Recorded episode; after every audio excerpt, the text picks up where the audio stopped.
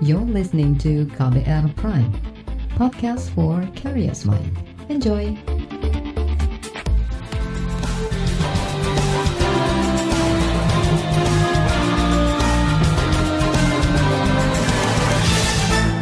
Halo saudara, senang sekali kami bisa menyapa Anda kembali dalam program KBR Sore, edisi Rabu 6 Januari 2021. Saya Sindu Darmawan kembali menemani Anda selama kurang lebih 30 menit ke depan. Sore ini kita membahas tentang polemik peniadaan rekrutmen guru sebagai calon pegawai negeri sipil CPNS pada tahun ini. Sebagai gantinya, rekrutmen guru CPNS dialihkan statusnya menjadi P3K atau pegawai pemerintah dengan perjanjian kerja.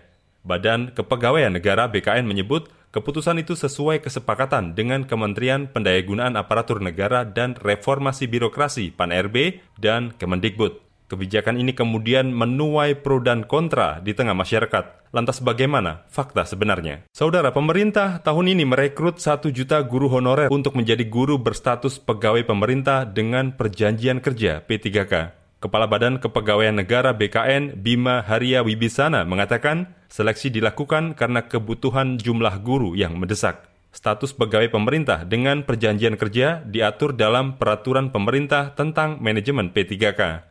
PP itu menyebutkan P3K adalah warga negara Indonesia yang memenuhi syarat tertentu yang diangkat berdasarkan perjanjian kerja untuk jangka waktu tertentu dalam rangka melaksanakan tugas jabatan pemerintahan.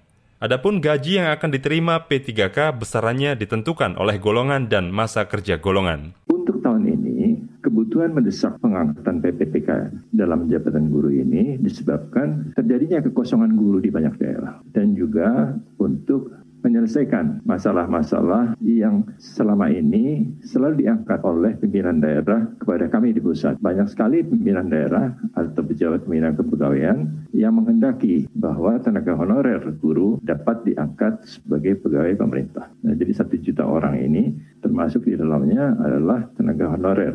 Kepala BKN Bima Haria Wibisana menjelaskan guru berstatus P3K tetap merupakan aparatur sipil negara ASN hak-hak yang akan diterima tidak banyak beda dengan pegawai negeri sipil atau PNS. Mulai dari kenaikan gaji berkala, kenaikan gaji istimewa, tunjangan, hak cuti, dan hak pengembangan kompetensi hingga masa kontrak. Bedanya, P3K memiliki masa kontrak kerja dan tidak akan mendapat tunjangan pensiun. PPK ini akan memperoleh hak yang sama dengan ASN. Hak pendapatan berupa gaji dan tunjangan sama besarnya dengan yang diterima PNS sesuai dengan level dan kelompok jabatan yang sama. Untuk hak-hak PPPK lainnya, hak dan perlindungan, mereka memiliki hak yang sama dengan PNS, seperti hak cuti, hak untuk pengembangan kompetensi, PPK juga mendapatkan perlindungan jaminan hari tua, jaminan kesehatan, jaminan kecelakaan kerja, hingga bantuan hukum seperti yang diperoleh PNS bagaimana tercantum pada pasal 22 dan pasal 106 Undang-Undang nomor 5 tahun 2014 serta pasal 75 Peraturan Pemerintah nomor 49 tahun 2018 tentang manajemen PPPK. Kelebihan lain dari sistem PPPK ini adalah pelamar tidak terikat batas usia maksimum 35 tahun seperti yang berlaku bagi PNS. Seseorang jika memenuhi persyaratan yang ditentukan dapat mengisi jabatan PPK pada posisi yang diinginkan. Itu tadi Kepala Badan Kepegawaian Negara BKN Bima Haria Wibisana.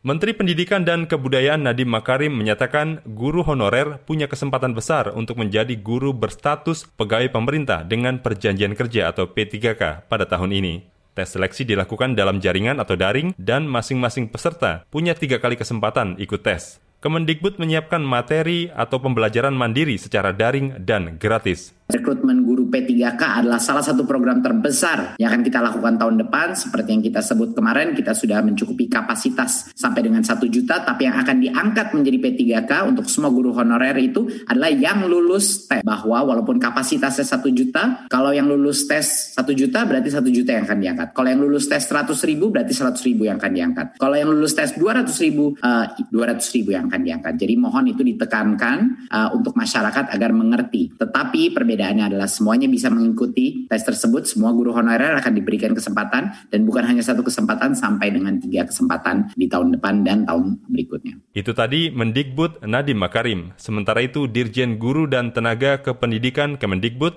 Iwan Syahril menjamin profesi guru akan tetap ada di formasi CPNS. Meskipun untuk tahun ini fokus Kemendikbud adalah merekrut guru berstatus P3K.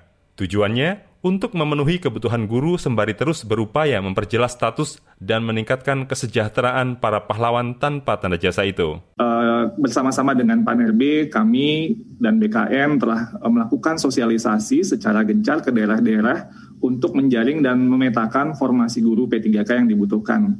Dan kita telah melakukan uh, dialog dengan Pemda di seluruh provinsi. Kita menegaskan dan mendorong agar para guru honorer dan lulusan uh, pendidikan profesi guru atau PPG untuk melamar menjadi guru P3K karena nantinya kinerja yang baik sebagai guru P3K dapat menjadi pertimbangan penting uh, jika guru P3K tersebut ingin uh, melamar menjadi CPNS. Uh, komitmen dari Kementerian Pendidikan dan Kebudayaan adalah terus memperjuangkan agar para guru mendapat kesempatan memperjelas status dan meningkatkan uh, kesejahteraannya.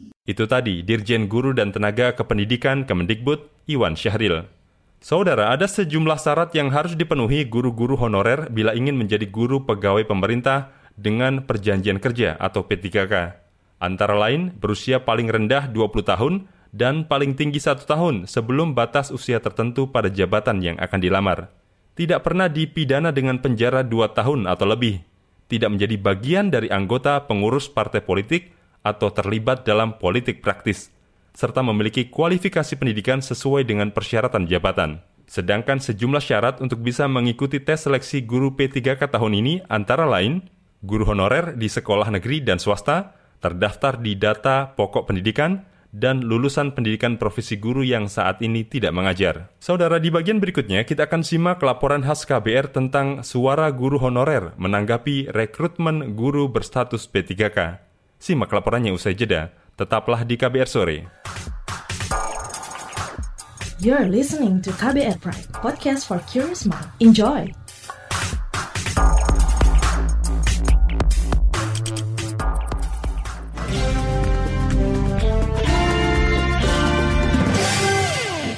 Saudara, rekrutmen 1 juta guru melalui jalur pegawai pemerintah dengan perjanjian kerja atau P3K menjadi angin segar bagi tenaga pendidik honorer. Namun mereka masih berharap ada peluang menjadi PNS karena lebih sejahtera. Terlebih, puluhan ribu guru yang lolos seleksi P3K dua tahun lalu hingga kini nasibnya belum jelas. Simak laporan tim KBR yang disampaikan Fitri Anggreni. Fahmi tengah bersiap mendaftar rekrutmen pegawai pemerintah dengan perjanjian kerja atau P3K. Guru honorer di SMP Pamijahan Bogor, Jawa Barat ini sudah melakukan verifikasi ijazah dan tengah menanti proses selanjutnya terakhir itu baru verbal ijazah ya. Jadi ada link yang nyambung ya ke data Kemendikbud terkait dengan verifikasi ijazah kita gitu ya. Informasinya itu setahu saya nanti ada tes ya harapannya ya tentu bisa lolos eh, P3K gitu ya. Kalau yang saya perhatikan sepertinya sih tidak rumit ya kayaknya. Apalagi kalau kita sudah mengajar di sekolah negeri yang memang kita sedang mengajar saat ini. Perbaikan kesejahteraan menjadi alasan Fahmi ikut seleksi. Sebab selama enam tahun menjadi guru honorer, gajinya masih jauh dari cukup. Namun, sebenarnya guru matematika ini berharap pemerintah tetap membuka formasi CPNS. Iya, jadi uh, hampir setiap tahun ya memang uh, untuk coba ya seleksi CPNS. Kalau ada memang seleksi CPNS tentu saya akan coba gitu karena memang di sini juga punya keluarga yang harus menjadi tanggungan dan saya punya kewajiban untuk memberikan uh, nafkah yang lebih baik ya tentu CPNS ini bisa jadi jalan ya bagi para guru itu untuk memberikan kehidupan yang lebih layak kepada keluarganya. Alfredus, guru honorer di ND Nusa Tenggara Timur, juga tertarik mengikuti rekrutmen P3K. Namun, dia masih menanti peluang dibukanya formasi CPNS. Yang prioritas utama kan CPNS loh. CPNS tidak ada ya di sepertinya kayak yang penting eh, pemerintah bisa daya kalau harap, harap dari komite juga seperti saat ini kan tidak bisa bayar tuh kalau virus kemarin itu. Dan saya juga dapat informasi kan dari P3 ini itu langsung dari anggarannya kan bukan dari pemerintah daerah tapi dari pemerintah pusat. Pria 29 tahun ini pernah dua kali menjajal tes CPNS tetapi gagal. Dia mengakui status PNS lebih menggiurkan ketimbang P3K, utamanya soal jaminan pensiun. Kemarin dapat CPNS itu dua tahun terakhir itu. Tapi itu kan tidak sesuai formasi itu. Tes-tes formasi umum saja untuk guru-guru kejiwaan itu tidak ada formasi ya kemarin. Kan berdasarkan informasi juga kan kalau P3 kan tidak, tidak ada dana untuk pensiunnya, kalau CPNS kan ada. Bagi Frit, jaminan kesejahteraan saat ini menjadi kebutuhan utama, apalagi dia dan keluarga merasakan hidup dalam ketidakpastian ekonomi selama pandemi. Tujuh bulan honornya tak kunjung dibayar komite sekolah, padahal upahnya hanya Rp700 ribu rupiah saban bulan. Beruntung, dia menerima bantuan subsidi upah dari Kemendikbud dan bantuan langsung tunai dari desa. Bapak satu anak ini juga mengandalkan hasil berkebun untuk menghemat pengeluaran. Kemarin honor tidak bisa dibayar ibu karena virus kemarin ya, ya hampir enam tujuh bulan yang terakhir sampai saat ini. Hari-harinya itu dengan ya kebun setelah pulang sekolah itu. Sementara itu nasib pegawai berstatus P3K yang lolos seleksi dua tahun lalu hingga kini masih menggantung. Seperti yang dialami Titi Purwaningsih, pegawai honorer di Banjarnegara, Jawa Tengah. Sampai detik ini, Titi belum menerima surat pengangkatan dinyatakan lulus P3 dari bulan April, berarti sampai hari ini ya sudah satu setengah tahun lebih lah ya. Dan sampai hari ini prosesnya itu ada sudah beberapa wilayah yang memang sudah keluar SK, NIP dan juga SK-nya. Namun banyak pemayoritas belum keluar. Contohnya di tempat saya di Banjarnegara juga sampai hari ini NIP-nya dan SK juga belum keluar. Titi mengapresiasi niat pemerintah merekrut satu juta guru berstatus P3K. Namun, hal itu merugikan honorer K2 karena tidak mendapat formasi khusus. Tapi minusnya kenapa tidak ada formasi khusus lagi seperti rekrutmen dari 2019 kan seperti padahal honorer K2 ini jelas-jelas honorer sudah berdatabase PKN. Kalau memang mau benar-benar menyelesaikan namanya honor, selesaikanlah dulu kewajiban honorer K2 dulu. Jadi ya, tadi ada jalur khusus formasi K2. Dia pun mendesak pemerintah memperjelas nasibnya dan pegawai P3 lainnya hasil rekrutmen pada 2019 namanya perekrutan sesudahnya itu seharusnya yang pertama sudah selesai. Tapi ketika tahapan pertama kok belum selesai dan merekrut lagi, itu yang salah. Kan timbul permasalahan baru. Tumpang tindih so namanya. Ini mau diulang kembali. Yang tahap satu belum itu buka yang tahap dua, ya mau diulang kembali seperti itu. Jadi masalah terus, nggak bakalan selesai. Fokus dulu, fokus kepada ini BKN buat NIP-nya sudah ada, mudah muncul tinggal diturunkan kok. Demikian laporan tim KBR. Saya Fitri Anggreni. Di bagian berikutnya kita akan simak protes dari Persatuan Guru Republik Indonesia PGRI terkait kebijakan penghentian rekrutmen guru CPNS dan diganti dengan guru P3K. Wawancara dengan Ketua Umum PGRI akan kami hadirkan sesaat lagi. Tetaplah di KBR Sore. You're listening to KBR Pride, podcast for curious mind. Enjoy!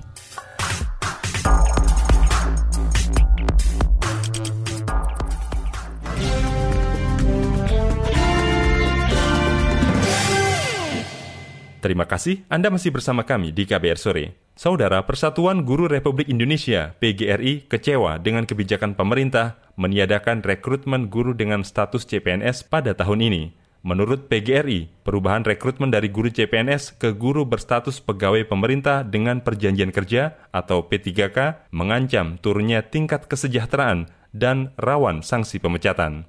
Selengkapnya kita simak wawancara jurnalis KBR Mutia Kusumawardani dengan Ketua Umum PGRI Unifa Roshidi. Bu Unifa, kabarnya pemerintah akan menghentikan perekrutan guru PNS dan digantikan dengan perekrutan P3K.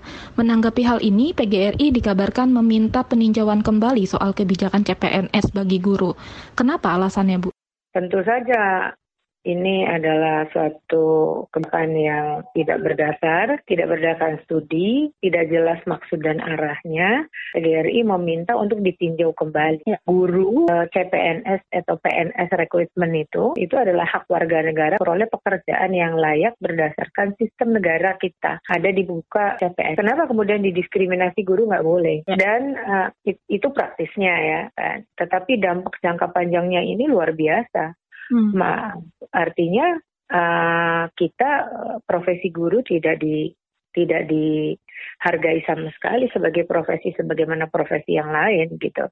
Kemudian uh, bisa dibaca masa yang akan datang anak-anak muda yang berbakat yang memiliki kemampuan tidak tertarik untuk uh, menjadi guru dan kampus-kampus yang mendidik guru akan tidak ya terdegradasi dengan sendirinya gitu.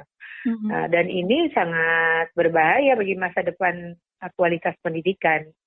Kemudian PPPK itu sendiri sesuatu yang meskipun berada di manajemen PNS itu berbeda dengan PNS pada umumnya. Karena PPPK itu adalah uh, kontrak yang dievaluasi setiap tahun, setiap Eh, satu sejak satu tahun. Artinya dengan dalih atau alasan apa pun guru nggak jelas setiap satu tahun dia kapan saja menunggu nasib untuk diganti, dipecat dan sebagainya. Bu, jadi meskipun pemerintah menjamin hak guru P3K sama dengan guru PNS, ini tidak menjawab persoalan berarti ya Bu? Sama sekali tidak. Itu menjamin menjamin apanya? yang yang memiliki guru yang berwenang itu pemerintah daerah. Di mana yang menjaminnya? Orang di dalam undang-undangnya jelas-jelas bahwa dia akan dievaluasi setiap tahun. Dijamin dari aspek apa? Gitu. Jadi jangan bikin PHP, jangan berikan PHP gitu.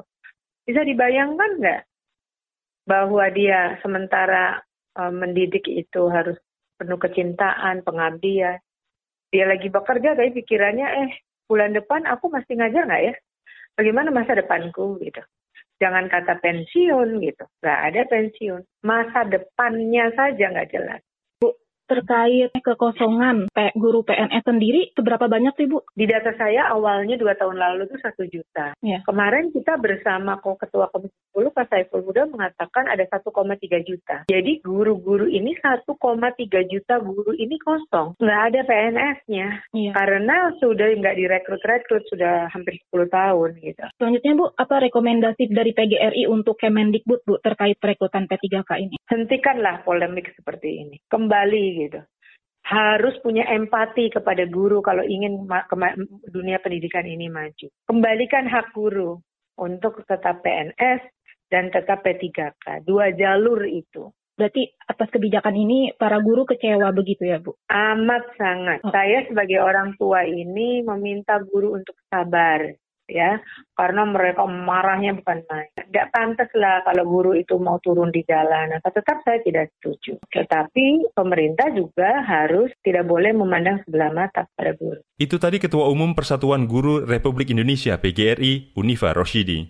Di bagian selanjutnya, kita akan simak sikap dan langkah anggota DPR menyikapi kebijakan pemerintah terkait penghentian rekrutmen guru berstatus CPNS. Tetaplah di KBR sore.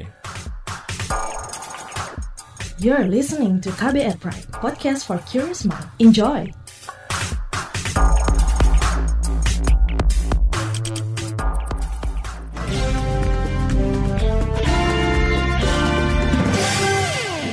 Anda masih mendengarkan KBR Sore. Saudara, Komisi Bidang Pendidikan di DPR akan meminta penjelasan pemerintah terkait penghentian rekrutmen guru CPNS pada tahun ini dan digantikan dengan rekrutmen pegawai pemerintah dengan perjanjian kontrak atau P3K. Selengkapnya, kita simak wawancara jurnalis KBR Siti Sadida Hafsya dengan Wakil Ketua Komisi Bidang Pendidikan di DPR, Dede Yusuf Macan Effendi. Bagaimana proses perembukan atau pembahasan di DPR soal rekrutmen guru PPPK di tahun 2021 ini? Di tahun 2016 itu kita sudah punya komitmen waktu itu pemerintah dengan DPR bahwa kita akan menyelesaikan masalah guru honorer untuk menjadi CPNS lalu kemudian proses berjalan juga jawaban pemerintah kita akan selesaikan secara bertahap. Tahun 2020 pun kami juga memanggil Kemenpan RB, terus eh, Badan Kepegawaian Negara, kita juga minta bahwa formasi PNS untuk guru pendidikan itu masih dibutuhkan karena kebutuhan gurunya masih diperlukan sampai tahun 2021 dan seterusnya. Terus ada formasi untuk guru-guru yang pensiun ya, PNS yang pensiun setiap tahun itu mungkin ada sekitar 50 ribu orang yang bisa diisi. Nah, untuk komitmen ke depan bahwa tidak ada lagi tenaga honorer, maka namanya adalah P3K. P3K atau PPPK ini dibukalah lowongan untuk satu juta tenaga kependidikan sehingga tidak ada tidak ada lagi nanti namanya ke depan adalah tenaga honorer yang ada adalah PNS dan P3K. Nah, kita menyepakati bahwa dibutuhkan tenaga kependidikan satu juta dengan asumsi bahwa PNS masih tetap dibuka karena kan tiap tahun kan selalu ada yang pensiun, ada yang tidak bisa meneruskan atau mungkin berhalangan tetap dan lain-lain. Jadi artinya dua jalur tersebut PNS dan P3K ini merupakan sebuah kesempatan bagi para tenaga pendidik tentunya. Bagaimana kritik untuk kebijakan BKN dan Kemendikbud? Sebenarnya apa saja kekurangan PPPK untuk guru ini? Nah, apa yang membedakan antara P3K dengan PNS? pada saat itu juga kita pertanyakan. Kalau dari sisi pendapatan dan sebagainya mungkin sama. Yang membedakan itu adalah dari pensiun. Yang satu pensiun dibayar negara, pensiun melalui jaminan sosial. Jadi seperti BPJS Tenaga Kerja misalnya. Lalu kemudian ada poin juga kita mengatakan bagaimana dengan jenjang karir. Kalau P3K itu kan diperpanjang kontrak setiap satu tahun dan bisa diberhentikan setiap saat. Artinya jenjang karir tidak ada. Nah itulah makanya para tenaga pendidik tetap mengharapkan untuk bisa masuk PNS setelah P3K itu jadi kayak ada semacam kesempatan berikutnya yaitu masuk PNS. Termasuk guru-guru honorer yang sudah mengabdi lebih dari 35 tahun. Yang usianya 35 tahun ke atas ini kan mereka mengabdi sudah 15 tahun, 20 tahun ya. Mestinya mereka ini memiliki kesempatan untuk menjadi PNS. Nah inilah yang kemudian menjadi satu polemik ya. Kita sudah lihat, membaca bahwa PGRI pun semua protes kami pun juga mengatakan ini kan merupakan sebuah pengkhianatan terhadap perjuangan para guru yang selama ini sudah dilakukan. Jadi seperti dikasih iming-iming, nanti akan dipeneskan, terus uh, sementara nanti P3K dulu, tetapi tiba-tiba jalurnya tidak ada. Jadi jalur PNS-nya hanya untuk tenaga-tenaga yang lain. Bagaimana tindakan DPR untuk tahun 2021 ini? Apakah masih bisa mendesak pemerintah untuk mengkaji ulang keputusannya? Jadi kalau kita berbicara PNS ini, ini kan adalah sebuah sistem kita sebutnya sebagai sebuah mesin penggerak yang dibiayai oleh negara. Dan mesin penggerak yang dibiayai oleh negara itu sesuai dengan undang-undang bahwa pendidikan itu menjadi tanggung jawab negara. Tentu oleh karena itu ya harus menjadi bagian dari mesin itu sendiri, yaitu guru. Kami pun juga akan mempertanyakan. Dan saya baca di Instagramnya Menteri Pendidikan mengatakan bahwa tetap ada jalur CPNS. Nah ini kan jadi simpang siur ya. Sementara Kemenpan RB mengatakan tidak ada, sementara Menteri Pendidikan mengatakan ada. Nah inilah koordinasi antara lembaga negara yang kelihatannya tidak sinkron dengan sebuah konsep besar yang dimiliki oleh Presiden misalnya. Itu yang akan kami pertanyakan. Ya rencana kan kita masuk tanggal 11 Januari. Saya pikir nanti setelah 11 Januari kita akan cari upaya waktu untuk melakukan pemanggilan tersebut. Memang sampai saat ini kan kita melakukan rapat-rapat ini kan daring ya. Kita harus mencari timing yang pas untuk kita bisa melakukan rapat virtual bersama itu. Itu tadi Wakil Ketua Komisi Bidang Pendidikan di DPR, Dede Yusuf Macan Effendi. Saudara, data statistik dari laman kemdikbud.go.id menyebutkan jumlah total guru di Indonesia pada tahun ajaran 2019-2020 mencapai lebih dari 2,6 juta orang. Kemendikbud memperkirakan sekolah di Indonesia kekurangan 1 juta guru setiap tahun sepanjang 2020 hingga 2024 mendatang. Angkanya ditaksir terus meningkat saban tahun. Tahun ini misalnya, kekurangan guru diprediksi mencapai lebih dari 1 juta orang, dengan jumlah guru yang pensiun lebih dari 69 ribu orang. Akhirnya sampai juga kita di penghujung program KBR Sore edisi Rabu 6 Januari 2021. Pantau selalu informasi terbaru melalui situs kbr.id, Twitter kami di akun @beritaKBR, serta podcast di alamat kbrprime.id. Jangan lupa untuk tetap mematuhi protokol kesehatan dengan 3M, memakai masker, menjaga jarak, dan rajin mencuci tangan dengan sabun. Saya Sindu Darmawan bersama kerabat kerja yang bertugas undur diri. Salam.